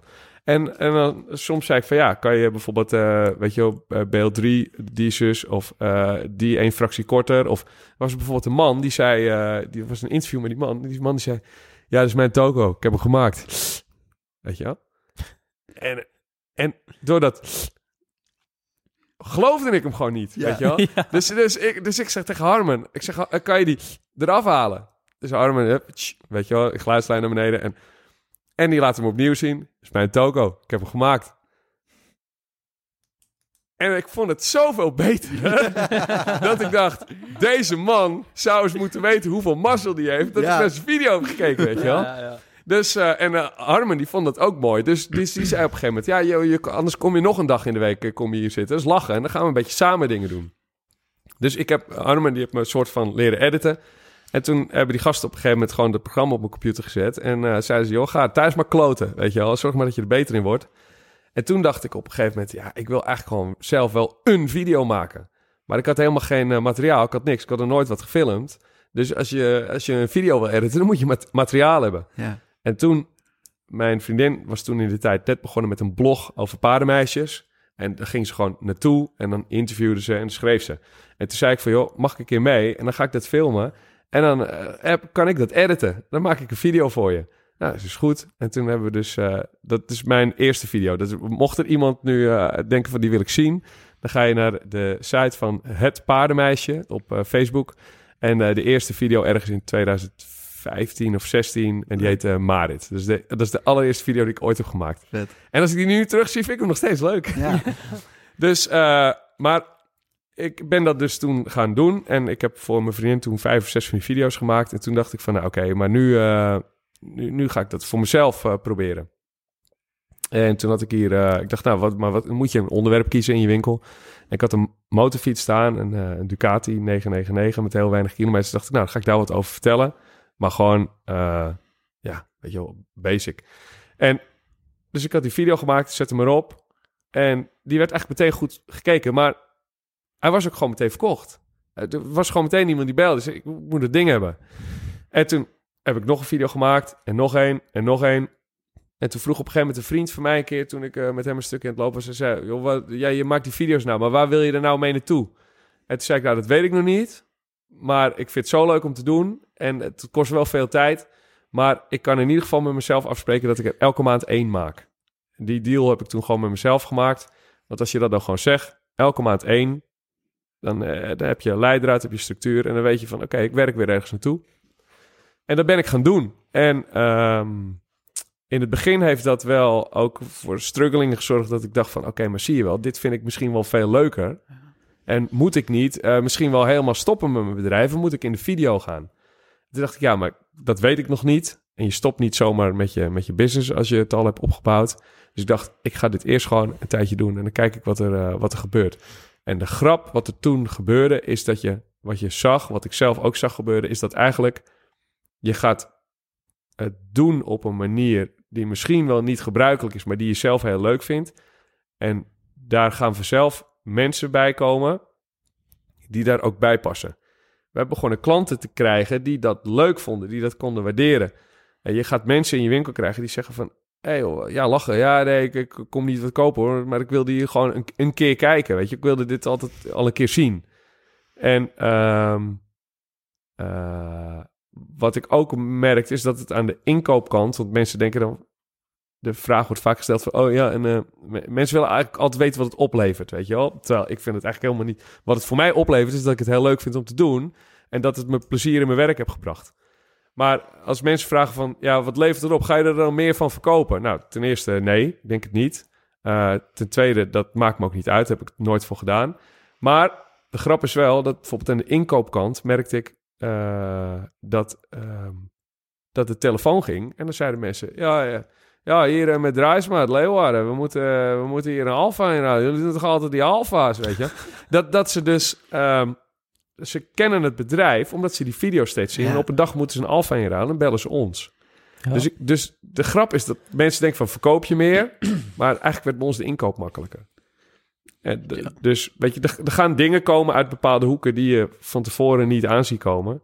Uh, die, die wel een hele leuke uitwerking hebben. Ja, ja.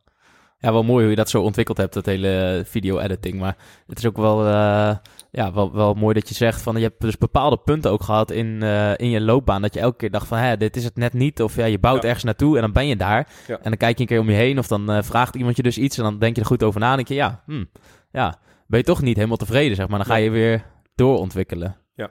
Ja. Klopt. Dat zit misschien ook een beetje in de aard van het beestje van uh, de ondernemer. Dat, het altijd, ja, dat je altijd weer vooruit streeft naar, uh, naar iets, uh, iets, iets mooiers of ja, iets beters. wel. Ja. ja. Nou ja, en naar je gevoel luisteren, weet je. Kijk, als je niet blij bent met hoe het gaat, dan kan je er maar beter wat aan veranderen. Want anders ben je zelf ook geen blij persoon. Ja. Ja ja, met die video's vooral. Dat je gewoon dus, uh, dus daaraan begint en je maakt die video's. En in het begin wat je zei, dat je ook nog wel getwijfeld hebt van ja, hoe ga ik dat überhaupt doen? Of uh, ja. ga ik helemaal video's maken? En dat je dan gaandeweg uh, gewoon, gewoon ziet wat, het, ja, wat er van komt. Ja. Ook al verdienen geen geld mee of, nee. of wat dan ook. Nee. nee. nee dat is wel, nee, en dat, dat hele idee van moet ik dan niet stoppen met mijn bedrijf en dit voor anderen gaan doen? Hmm. Daar ben ik inmiddels ook achter. Ik, ik kan het helemaal niet voor anderen doen. ik heb het een paar keer gedaan. En ik heb ook wel eens... Ten eerste vind ik altijd de hele onderhandeling al kut. Ja. Want uh, wij hebben heel veel van die aanvragingen gehad door de jaren heen. En de ko ko bedrijven komen en zeggen... Ja, ja, we willen ook een video. Wil je ons daarbij helpen? Ja, oké. Okay, nou, uh, wat willen jullie dan? Ja, we willen, we willen een hit. Ja, dat snap ik. Ja. ja. Weet je wel? Dat wilde iedereen. Maar je kan niet één video maken en dat kan niet een hit worden. Ja, dat gebeurt misschien één op de miljoen keer. Maar één video is geen video. Ik, ik zie dat als een, als een reeks. Je maakt eigenlijk schrijf je gewoon doorlopend aan een verhaal. En neem je mensen daarin mee. Ten tweede hebben ze vaak helemaal geen, geen hol voor over. Dus dan zeggen ze, ja, ja, we hebben budget, uh, dat, is, uh, dat mag 1000 euro kosten. Mm. Maar ja, dan ga je, oké, okay, wat, wat denk je, wat een computer al kost of een camera. En uh, je bent een dag aan het filmen. En je bent misschien drie dagen aan het editen. En je moet er nog spullen voor huren. En er moet nog iemand helpen. En dan moet weet je wel, uh, dit is allemaal dus vaak is er ook geen. Dus ik ben op een gegeven moment gewoon gestopt met die, met die, met die vragen. Ja. Als wij dat in de, in de mail krijgen, dan stuur ik altijd gewoon terug. Ja, sorry, maar uh, dat doe ik niet. Mm. Maar ja, op een gegeven moment had ik één man. ik heb het dus op een gegeven moment wel een keer gedaan. Cherko, misschien, uh, misschien luistert hij. Maar Cherko, die, eh, die, die, eh, de koffie, toch? Of, Ja, eh, van de koffie. Cherko, die wilde dus ook een video. En eh, die had dus kennelijk al een paar keer gemaild. En ik had dat afgewimpeld. of Ingra had het... En op een gegeven moment heb hij misschien nog een keer gebeld. En dat we hadden altijd nee gezegd. En toen op een gegeven moment werd ik gebeld door uh, Wouter Struik van Münsterhuis, de verkoper. Die zei, ja, die Cherko die belt jou steeds. Maar je moet even met hem gaan zitten. Want dat is echt wel dat is echt een leuk vent. Nou, oké, ik zeg Wouter, maar dat is dan uh, voor, ja, voor jou. Cherko hier naartoe. Cherko zijn koffie hier laten proeven. En Cherko zegt, Sam, wij moeten dat gaan doen samen. Ja, nou. en toen dacht ik, oké, okay, nou ga ik het eens een keer helemaal groots aanpakken, weet je wel. Ja, ja. Sorry hoor. dus ik denk, oké, okay, nou, Cherko, als je het dan echt wil, dan kan je het krijgen. Dus uh, ik zei, ik wil het wel doen. Maar ik zeg dan, maak ik wat ik wil. En het kost zo en zoveel. En ik dacht echt dat ik heel ver mijn bek open trok. Dat ik, ik reken een, een heel groot bedrag. En, ik, en ik, ik zeg, ik maak precies wat ik wil. Hij zegt, uh, dat is goed. Oké, okay, nou. Dus, uh, okay, dus ik had op een gegeven moment een verhaal in mijn hoofd. En um, uh, ik weet niet of jullie de video hebben gezien. Ja, ik heb hem wel gezien, maar het is wel een tijdje terug alweer. Okay. ja. Nou ja, het verhaal wat ik in mijn hoofd had, was dat uh, Cherko mij... Uh, gaan we al over de tijd heen trouwens? Of uh, ja, heb, jullie hebben nog tijd? Ja, wij hebben nog tijd. Ja, okay. tijd is weer de vraag of jij tijd hebt. Hoe vragen we nou aan de luisteraar of die nog tijd heeft? Ja, hoe doen we dat? Je zet hem maar op pauze. Oké, okay. luister morgen maar verder. Als je in de auto zit naar Amersfoort. Nee, uh, ik had op een gegeven moment... Uh, een, een, ik had bedacht... Ik maak een video voor Cherko, waarbij Cherko... Uh, eigenlijk was het een beetje de waarheid. Cherko die wilde gewoon dat wij een video voor hem maakten. En ik wimpelde de hele tijd die vent af. En dan uh, zat ik op een gegeven moment in de auto. De belde mijn assistent Ingra, die belde op en zei... Ja, die meneer Cherko, die staat hier weer en die wilde een video. En dan zou ik tegen Cherko zeggen van... Uh, zeg maar dat het... Zou ik tegen zeggen... Zeg ja. maar dat het een ton kost. Ja, zo, weet ja, ja. ja. En dan zou, Inge dat zeggen, dan zou Cherko zeggen, is goed. Eigenlijk een beetje zoals het net echt was gegaan, maar dan had ik minder dan een ton gerekend. Maar, ehm, eh, en dan, wat er dan vervolgens zou gebeuren, was dat hij ja zou zeggen. eh, en dat ik Oh ja. daar vervolgens redelijk verbaasd over was. Naar huis reed, tegen het gezin zei, pak de spullen, maar we gaan op vakantie. En in één keer in drie dagen jasten we die ton erheen. Eh, overal ging het dan op, weet je wel. Reuzenrad, dure hotels, eh, Ferrari-fabriek, noem maar op. Helikopter. eh, helikopter, alles dik. Alles dik. En dan zouden we op een gegeven moment, na drie dagen was het op. Weet je, dan gaat die, gaat die, gaat die kaarten zo erheen. Kaart geweigerd, ja, weet je wel. ja. En dan stap je weer in de auto en dan reed je terug. En op de terugweg, zag, zo, verrek, reed ik langs die koffiefabriek. Want hij had een koffiefabriek in Ja. Italië. Wat? En dan zei ik eh, tegen mijn gezin, die niet eens wisten van wie geld we op vakantie waren geweest. Zei ik van, oh sorry, wacht even, papa is zo terug. En dan zou ik naar binnen lopen. En dan stonden die gasten daar al drie dagen te wachten met die koffie. En zou ik die koffie proeven. En dan zou ik zeggen, zo, dat is wel echt lekkere koffie. En dan vervolgens gingen... ja, en dan vervolgens zag je ons weer in die auto terug naar huis zitten. En de, de kinderen op de achterbank helemaal volgepakt met koffie. ja. Nou, dat was, de, dat was het idee. Ja, Tjerko zei, is goed, maak maar. Dus wat gebeurt er? Ik denk, oké, nu moet ik wel... En nu komt mijn probleem. Dit is waarom ik geen video eh, voor anderen kan maken. Ik denk, oké, fuck. Eh, hij geeft mij het vertrouwen. Hij betaalt er heel veel geld voor. En nu moet ik iets leveren. Dus ik denk, oh, dan begint de stress, weet je wel. Oké, ik moet echt zo, zo- die, die video die moet aan alle kanten duizend punten zijn. Dus eh, oké, we gaan naar Italië, we gaan spenden. Eh, dan moet het wel een heel dik huis zijn. Ik heb het allerdikste huis gezocht wat er was. Dat was niet normaal. Dat huis waarin we zaten, dat was zo gruwelijk mooi. Dus ik dat huis geboekt. Nou, er ging eh, een vijfde van het budget. ja. Oké, eh, ja, wat gaan we doen? Ja, we moeten wel echt met die helikopter. Een helikopter kan je niet faken. Ik ben Nee. gek op helikopters. Helikopter. Nou, jezus, wat een geld. Oké, er moet wel een helikopter in. Ja, oké, helikopter erin.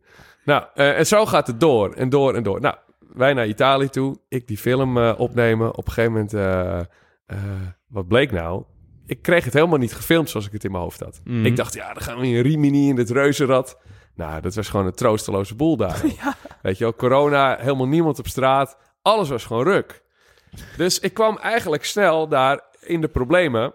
Want eh, ik, het, ik had heel veel stress. Ik had mijn hele gezin meegesleept naar eh, Italië. Plus eh, mijn cameraman Koen, Ja, dat is ja. een goede vriend van mij, die, die ging filmen. Die moest ik ook betalen. Nou, die, die kost ook gewoon geld, hè, een hele week. Mhm. En ehm, eh, Nou, ik zal, weet je, fuck it. Het gaat hier toch over ondernemen. Dus we gaan gewoon bedragen noemen. Ik had 25.000 euro gerekend voor die video. Met. Cherco. Eh 25 ex BTW. Dan snappen jullie een beetje hoe de verhoudingen liggen. Ik Ja. denk dat ik eh 20 mil al op had gemaakt. Aan het huis, aan de helikopter, aan Koen, aan alles, noem maar op. Ja. En, eh, en ik kwam tot de conclusie dat het eigenlijk gewoon een klote video werd. Ja. Dus dat toen had ik, had, toen had ik heel veel stress. ja. Want toen dacht ik, oké, dit is Cherco's geld. ik heb niks verdiend. Mijn hele gezin mee. Eh, weet je wel, ik neem hun mee onder het mom van... ja, lachen, we gaan eh, naar Italië. Het is echt superleuk en dan gaan we leuke dingen doen. En, maar uiteindelijk had ik daar alleen maar stress. Want ik voelde wel aan dat die video gewoon niet van de grond kwam. En toen eh, had ik dus... Toen was het denk ik dag twee of drie. En toen dacht ik, oké, weet je wat? Dit gaat gewoon niet werken. En toen, toen bedacht ik me, weet je wat? We gaan het helemaal anders doen. Ik, de video is niet in Italië. Ik ben er al geweest. Mhm. We hebben alleen maar beelden nodig dat we zien dat we er ook echt waren. Weet je wel? En dat het ook echt duur was. Dus dan heb ik genoeg. Dus dat betekent alleen het huis is genoeg. Alleen de helikopter is genoeg. En eh, eigenlijk that's it. En de, en de auto. Er moest Mhm. een hele mooie auto in. En ik ben gek van de Giulia Quadrifoglio, dus die moest erin. Oké, ik dacht, oké, dus we gaan eh, terug naar huis. En we maken vooral ruzie over dat het al gebeurd is. Ik dacht, dat moet het verhaal worden. En, ehm, Dat past ook bij de situatie. en het past bij de situatie. ja.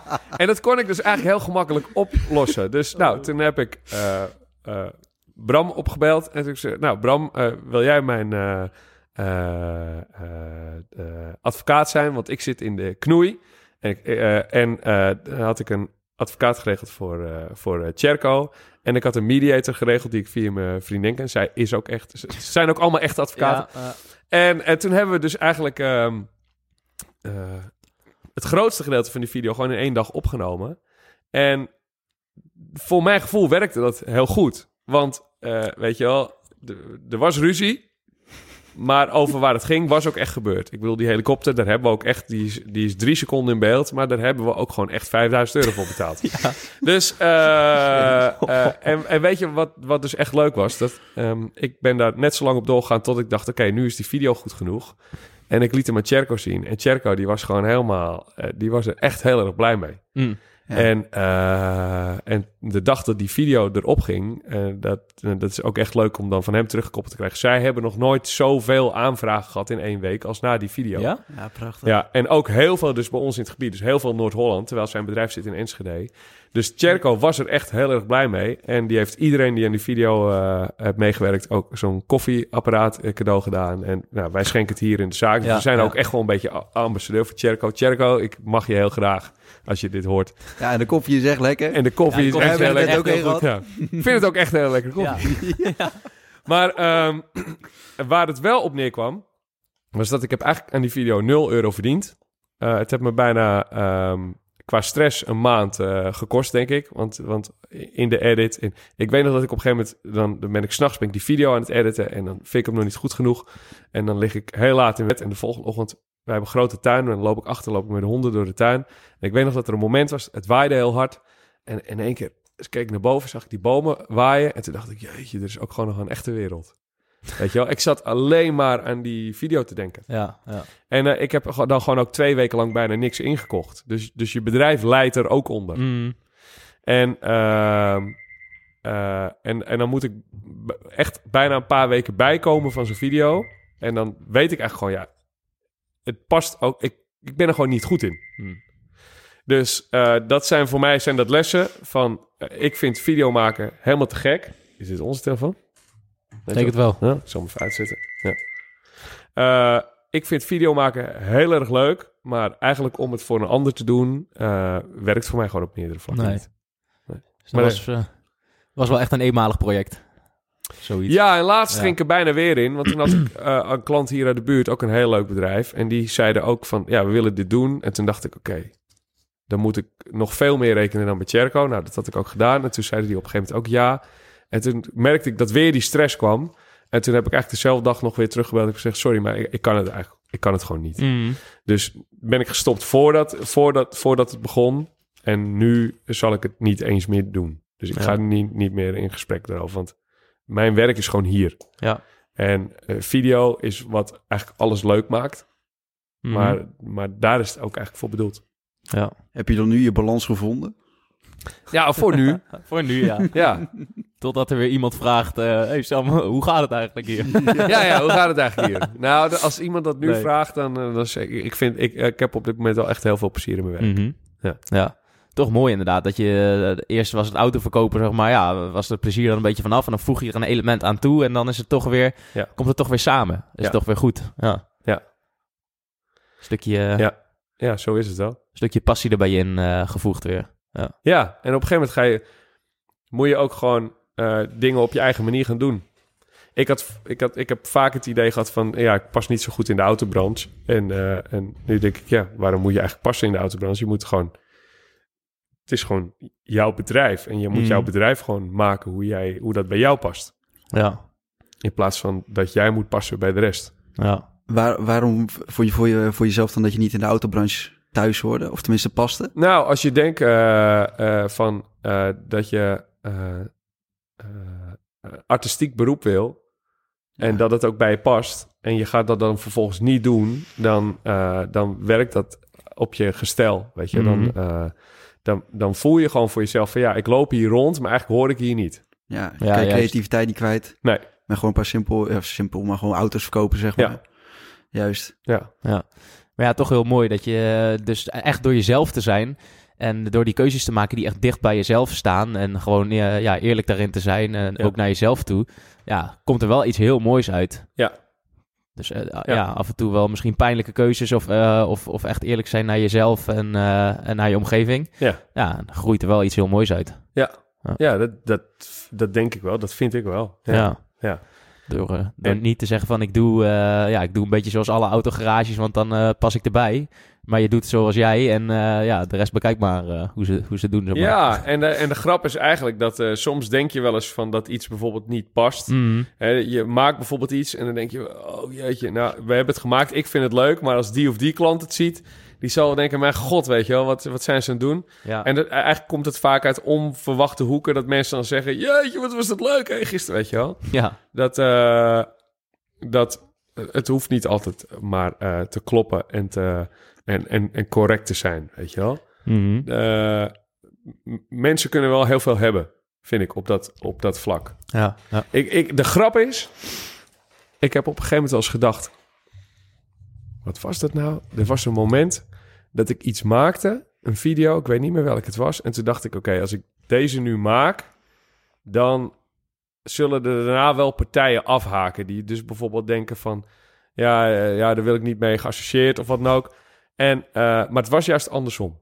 Tja. Ik, ik weet niet meer. Het is jammer dat ik er niet meer op kom welke video het was. Maar volgens mij in, in de dagen daarna eh, werd ik juist alleen maar gebeld. Voor, dan belden de mensen van. Weet je, hebben wij, hadden we allemaal auto's staan van, van zeg maar gemiddeld 30 mil. En dan, en dan belden er in één keer allemaal mensen. Ja, ja, ik heb hier, eh, eh, ik heb hier die in die auto staan. Eh, die- de 400.000 euro. Is er wat voor jullie, weet je wel? Ja. Dat je dacht van, huh? Die, dit klopt eigenlijk niet met elkaar. Dus hetzelfde is met, met, met, weet je, ik heb natuurlijk meerdere video's gemaakt met Lauwman. Ja. Ja. En in het begin eh, denk je dan van, ja, Lauwman en, eh, en eh, wij zijn eigenlijk gewoon een klein handelsbedrijf. Eigenlijk ben ik gewoon een handelaar en Lauwman is het grote Lauwman. Mhm. En Alexander, die heeft natuurlijk... Ik kwam op een dag met een verhaal voor een video bij Alexander. En Alexander die zei op een gegeven moment... Ja, we gaan het gewoon maken. en wij, wij hebben dat gemaakt. En we zijn daardoor... Weet je, we hebben zo'n onwijs goede klik samen. Wij zijn daar echt vrienden door geworden. Mhm. En eh, dat je dus ook op zo'n manier... Zeg maar eh, een, he- een hele grote club als Lauwman... met een heel klein bedrijf als wij... dat het toch naar buiten toe... eh, kan dat best wel heel goed werken. Want, want dus, eh, je merkt dus dat de klanten hier in de buurt zijn die zeggen van... hé joh, maar ja, als Lauwman met ze samenwerkt zal het wel goed zijn. Ja. Maar je merkte bij Lauwman ehm, dat, eh, dat als, als er vroeger veel mensen dat afstandelijk vonden... dat ze zeiden, Mhm. ja, dat is het grote pand langs de A2 en dan kom je echt niet zomaar binnen... Mhm. dat ze nu denken van... hé, maar wacht even, die Alexander, dat is gewoon echt een lach vent. En eh, ze zijn veel toegankelijker dan ik dacht. Ja. Want ze werken ook met, eh, met, die, met die gozer uit op Met de meer. polder. Ja, ja. Ja. dus, dus eh, samen als twee hele verschillende partijen maak je één ding. En dat ene ding heeft voor allebei een andere uitwerking. Ja. En dat vind ik wel eh, wonderlijke wisselwerking. Vind ik. Ja. Ja, heel mooi. Maar dat is ook een stukje van steeds meer leren in dat proces... om eigenlijk gewoon een beetje scheid te hebben aan eh, wat mensen van je vinden... en gewoon, eh, gewoon Ja. jezelf te zijn. Ja. En dat betaalt zich dan toch uit. Terwijl je in het begin misschien denkt van... ja, hm, dan eh, verlies ik mensen. Ja, nou, daar ben ik nooit bang voor geweest. Maar Mhm. ik heb wel gedacht dat het zou gebeuren, ja. Mhm. Dat je dacht van, nou, bepaalde klanten zullen nu al afhaken. Ja. Nou, dat was helemaal niet zo. Tja. Nee. Maar Ja. Alexander, die is nu toch ook wel aardig aan het inzetten op, eh, op, op dat gebruik van video en zo. Want ik dacht dat ik ook iets voorbij zag komen in samenwerking met Netflix of zoiets. Oh, dat kan heel goed. Ja. Oh, nou ja, dan weet jij er niks van. Nee, Ik ze hebben, ze hebben eh, ik, heb, ik heb toevallig wel een trailer voorbij zien komen van, eh, is dat niet van, ehm hoe heet die andere groot, ja, of is, is van Netflix? Ik zou niet weten, ik- Eh, ik zag het ook voorbij komen, maar ik dacht misschien dat jij er iets meer over kan vertellen. Maar... Ja, maar vooral, volgens mij komt, eh, zie je Frans Duits erin voorbij schieten in die promo Oh, en eh Joel Beukers en al die gasten. Hm. Ja. Maar eh, dat gaat vooral over, eh, ja, bepaalde bekende Nederlanders en hun auto, volgens mij. Dat is een, een, eh, volgens mij een Amazon Prime... eh, Kan ook, Ja, ja. kan ook. Ik Ja. zag het voorbij komen. Ja. Maar, nou ja, Alexander heeft natuurlijk heel veel van dat soort klanten. mhm. Eh, Mhm. Dus, eh, dus ja, dat, dat past daar Ja. goed bij. Ja. Ja. Oké.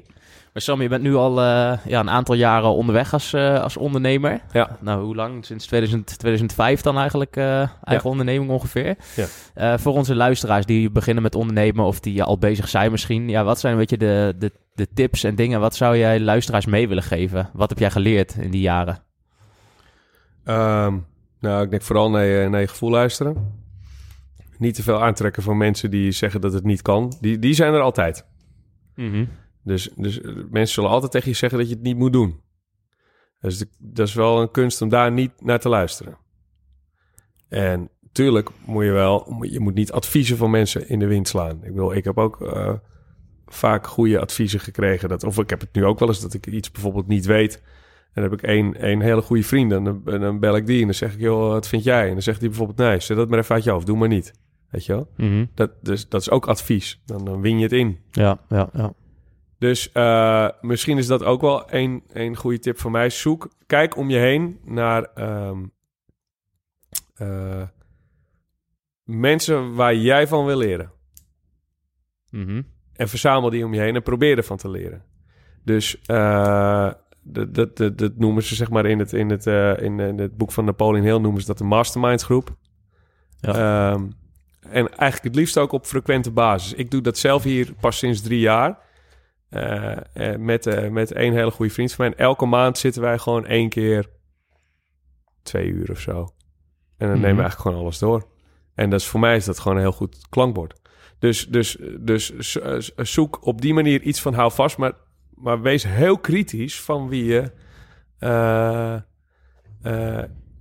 het, het advies aanneemt. Ja. Weet je, de, je het nummer van, eh, van, de, van de Sunscreen Song? Wat, wat is er, Ingrid? Ja.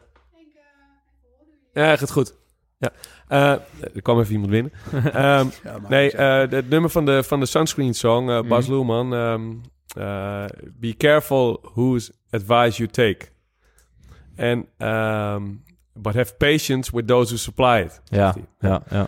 En eh, ik denk dat je daar goed naar moet kijken. Dus, Mhm. dus, dus zoek iemand of twee mensen waarvan je denkt, die weten meer dan ik. En daar wil ik van leren. ja. En die zijn er. Als je, het, als je het echt vraagt aan mensen, als je zegt van, joh, ik wil gewoon graag, kan ik af en toe eens met je sparren? Eh, dan willen mensen dat ook. Want va- vaak zijn zij zelf ook op die manier ook eh, geholpen. En, eh, dus dat, ik denk dat dat een hele goede is. Eh, nou, nog eentje is, maar ja, die, die- hoe voor de hand liggend is die. Dus als je je kapitaal nodig hebt en je krijgt het niet meteen voor elkaar, blijf gewoon proberen. Want, Ja. eh, want is ja, ook weer hetzelfde verhaal. Er zijn gewoon mensen die, eh, die je willen helpen. Ja. Als je het maar serieus aanpakt, weet je, je moet er geen potje van maken. Want je wil, je wil zelf ook niet iemand eh, vooruit helpen waarvan je denkt, die gooit het toch maar met de pet. Nou, Mhm. dat, dat, dat schiet niet op. Ja. Ja. Ehm, ja, en ik denk gewoon op een, op een eerlijke manier eh, je zaken doen. Dan, eh, dan, dan gaat het op de lange termijn altijd goed. Ja. Ja, dat vind ik wel heel mooi. Want eigenlijk zijn dat ook drie principes die ook gewoon terugkomen in Think, Think and Grow Rich. Dus eh dus eigenlijk alleen maar ja, overeenkomsten aangaan waar beide partijen beter van worden. Ja. Ja, dus ja, vastberadenheid, de doorzettingsvermogen. Ja. Ja, en, en het mastermind principe. Ja. Heel mooie dingen, ja. Ja, hè? Ja. Ja.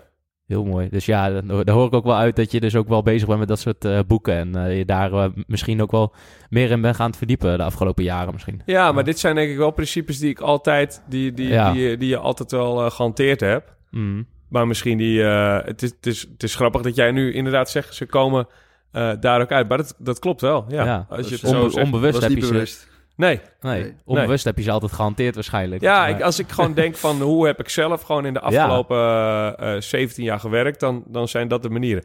Kijk, er zijn altijd momenten waarop je iets wil en eh, iemand anders dan tegen jou zegt dat dat niet het goede moment is. Ja. En dan moet jij goed bedenken, is dit het juiste advies of niet? Mhm. Toen ik bijvoorbeeld voor, toen ik nieuw wilde bouwen hier, eh, betaalde ik in dat andere pand heel veel huur. En ik wist gewoon zeker, het kan makkelijk uit. Ik moet alleen het geld zien te krijgen. Mhm. En eh, toen ik met de bank in gesprek ging, zei de bank: Nee, ja, het is gewoon niet het goede moment. Weet je wel? Eh, het gaat nu net lekker. Ga even lekker zo door. En dan kijken we over een paar jaar weer. Ja, en toen dacht ik: Ja, dat kan je wel zeggen. Maar ik betaal elke maand die huur. Ja, De rente is zoveel. Eh, het was volop in de crisis, 2012, 2011, dat ik denk Hm. voor het eerst met hun in gesprek ging. Was helemaal, elk bouwbedrijf stond gewoon te schreeuwen om aan het werk te gaan. Je kon echt tien aannemers krijgen in een uur als je wilde. ja. En dan ga je twee jaar wachten. Nou, dat vond ik geen goed idee. Dus eh, als je dan kijkt van, joh, ik betaal zoveel huur en dit zou mijn hypotheek zijn. Ik moet alleen de lening zien te krijgen. Ik weet zeker dat ik het gewoon eh, kan betalen de komende, weet ik veel, 10, 20 jaar. Ja, dan moet je niet door iemand van de bank laten zeggen dat, dat het niet het goede moment is. Mhm. Want alles in jou zegt dat het het goede moment is. ja. Dus eh, dan ga je net zo lang door totdat je het voor elkaar krijgt. In, in mijn geval was het genoeg om tegen de bank te zeggen... nou ja, oké, ik respecteer het voor jullie... maar dan ga ik het bij een ander proberen. En, en, en, uit- en toen op een gegeven moment wilden ze wel. ja. Weet je, dus... Maar je moet altijd goed denken... eh, eh, maar ik heb ook vrienden gehad die toen in die tijd zeiden van... nee, je moet het nu niet doen, weet je wel. Het gaat zo slecht allemaal, wie weet wat er allemaal komt. Ja. Nou, ik ga je één ding vertellen. Als het, als het weer zo slecht wordt als dat het was... dan is het eerste wat ik ga doen, dat is bouwen. Nog meer bouwen. Als het dan weer zo goedkoop kan, dan... eh, Nou ja, het is gewoon heel leuk. Want eh, ten eerste is bouwen heel leuk. En ten tweede is het nog leuker als je werkt met partijen die op dat moment heel graag willen. ja. Dat Ja, wij hier zeker. aan het bouwen waren. Ik heb alle partijen zelf aangenomen. Dus de, de, de aannemer, maar dan ook de... Ik had alles apart. Dus de, de elektricien, de loodgieter, de tegelzetter... eh, eh, de, de- man die het alarm doet, maakt, het straten maakt, maakt niet uit wat. Mhm. Iedereen die hier aan het werk was, was echt blij dat ze aan het werk waren. Ja, ja, ja. Dus het is een win-win situatie. En eh, ja, ik kan daar heel erg van genieten.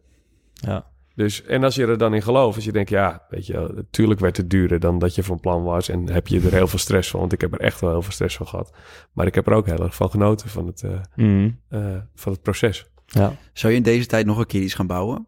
Ik zou nu het liefste hier een stuk aan willen bouwen, maar ik vind het nu gewoon echt te duur. Ja. Ja. Het is En gewoon eh, niet te doen. moeilijk om aan de mensen te komen dan. Nee, ik denk dat als je de hoofdprijs betaalt, dan, Ja, dan gaat er altijd iemand goed, eh, maar- aan de gang. ja. Maar wij zouden het liefste hier eh, nu een stuk aan de voorkant... Nou, je, en je luisteraars kunt het niet zien... maar er is op de een of andere manier hier nog een stukje aan te bouwen.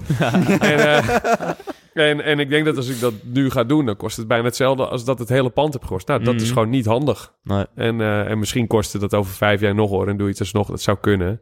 Maar ik vind het nu gewoon niet... eh, eh, niet eh, denk ik, nee, dit voelt niet als het goede moment. Nee, exact. Dan kan je Ja. beter je kans op andere vlakken pakken. Ja. Ja. Ja. Ja. Ik denk dat we super mooie dingen hebben besproken. Volgens mij eh, moet jij zo weer eh, naar de kinderverjaardag. Hoe laat is het? Moeten we wel even uitkijken. Ja. Het is... eh, Zeven voor vijf. Oh, nou, gaat goed. ja.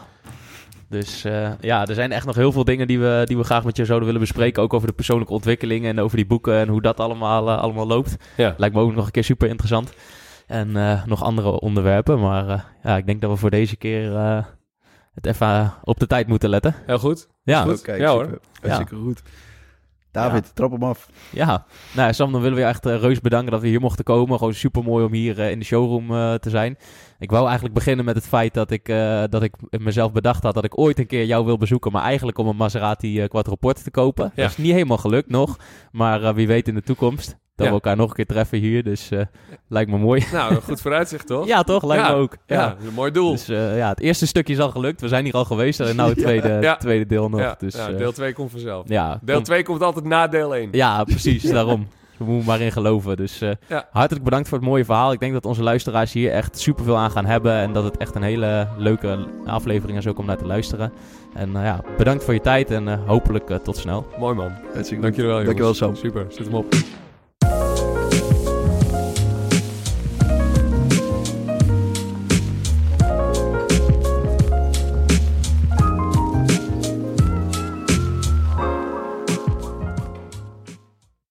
Welkom bij Ondernemend, het nummer 1 platform voor ondernemers. Bij Ondernemend vind je alles om jezelf naar het volgende niveau te brengen en jouw bedrijf te starten of op te schalen. Bij Ondernemend bieden we een netwerk met de beste ondernemers van Nederland, gecombineerd met kennis en een hechte community. Met de kennis van ons platform krijg jij als ondernemer meer structuur, rust, cashflow en vervulling. Ondernemend is jouw sleutel tot een nog succesvollere ondernemersreis. Dus wil jij samen met ons jouw maximale potentieel benutten? Join dan onze community.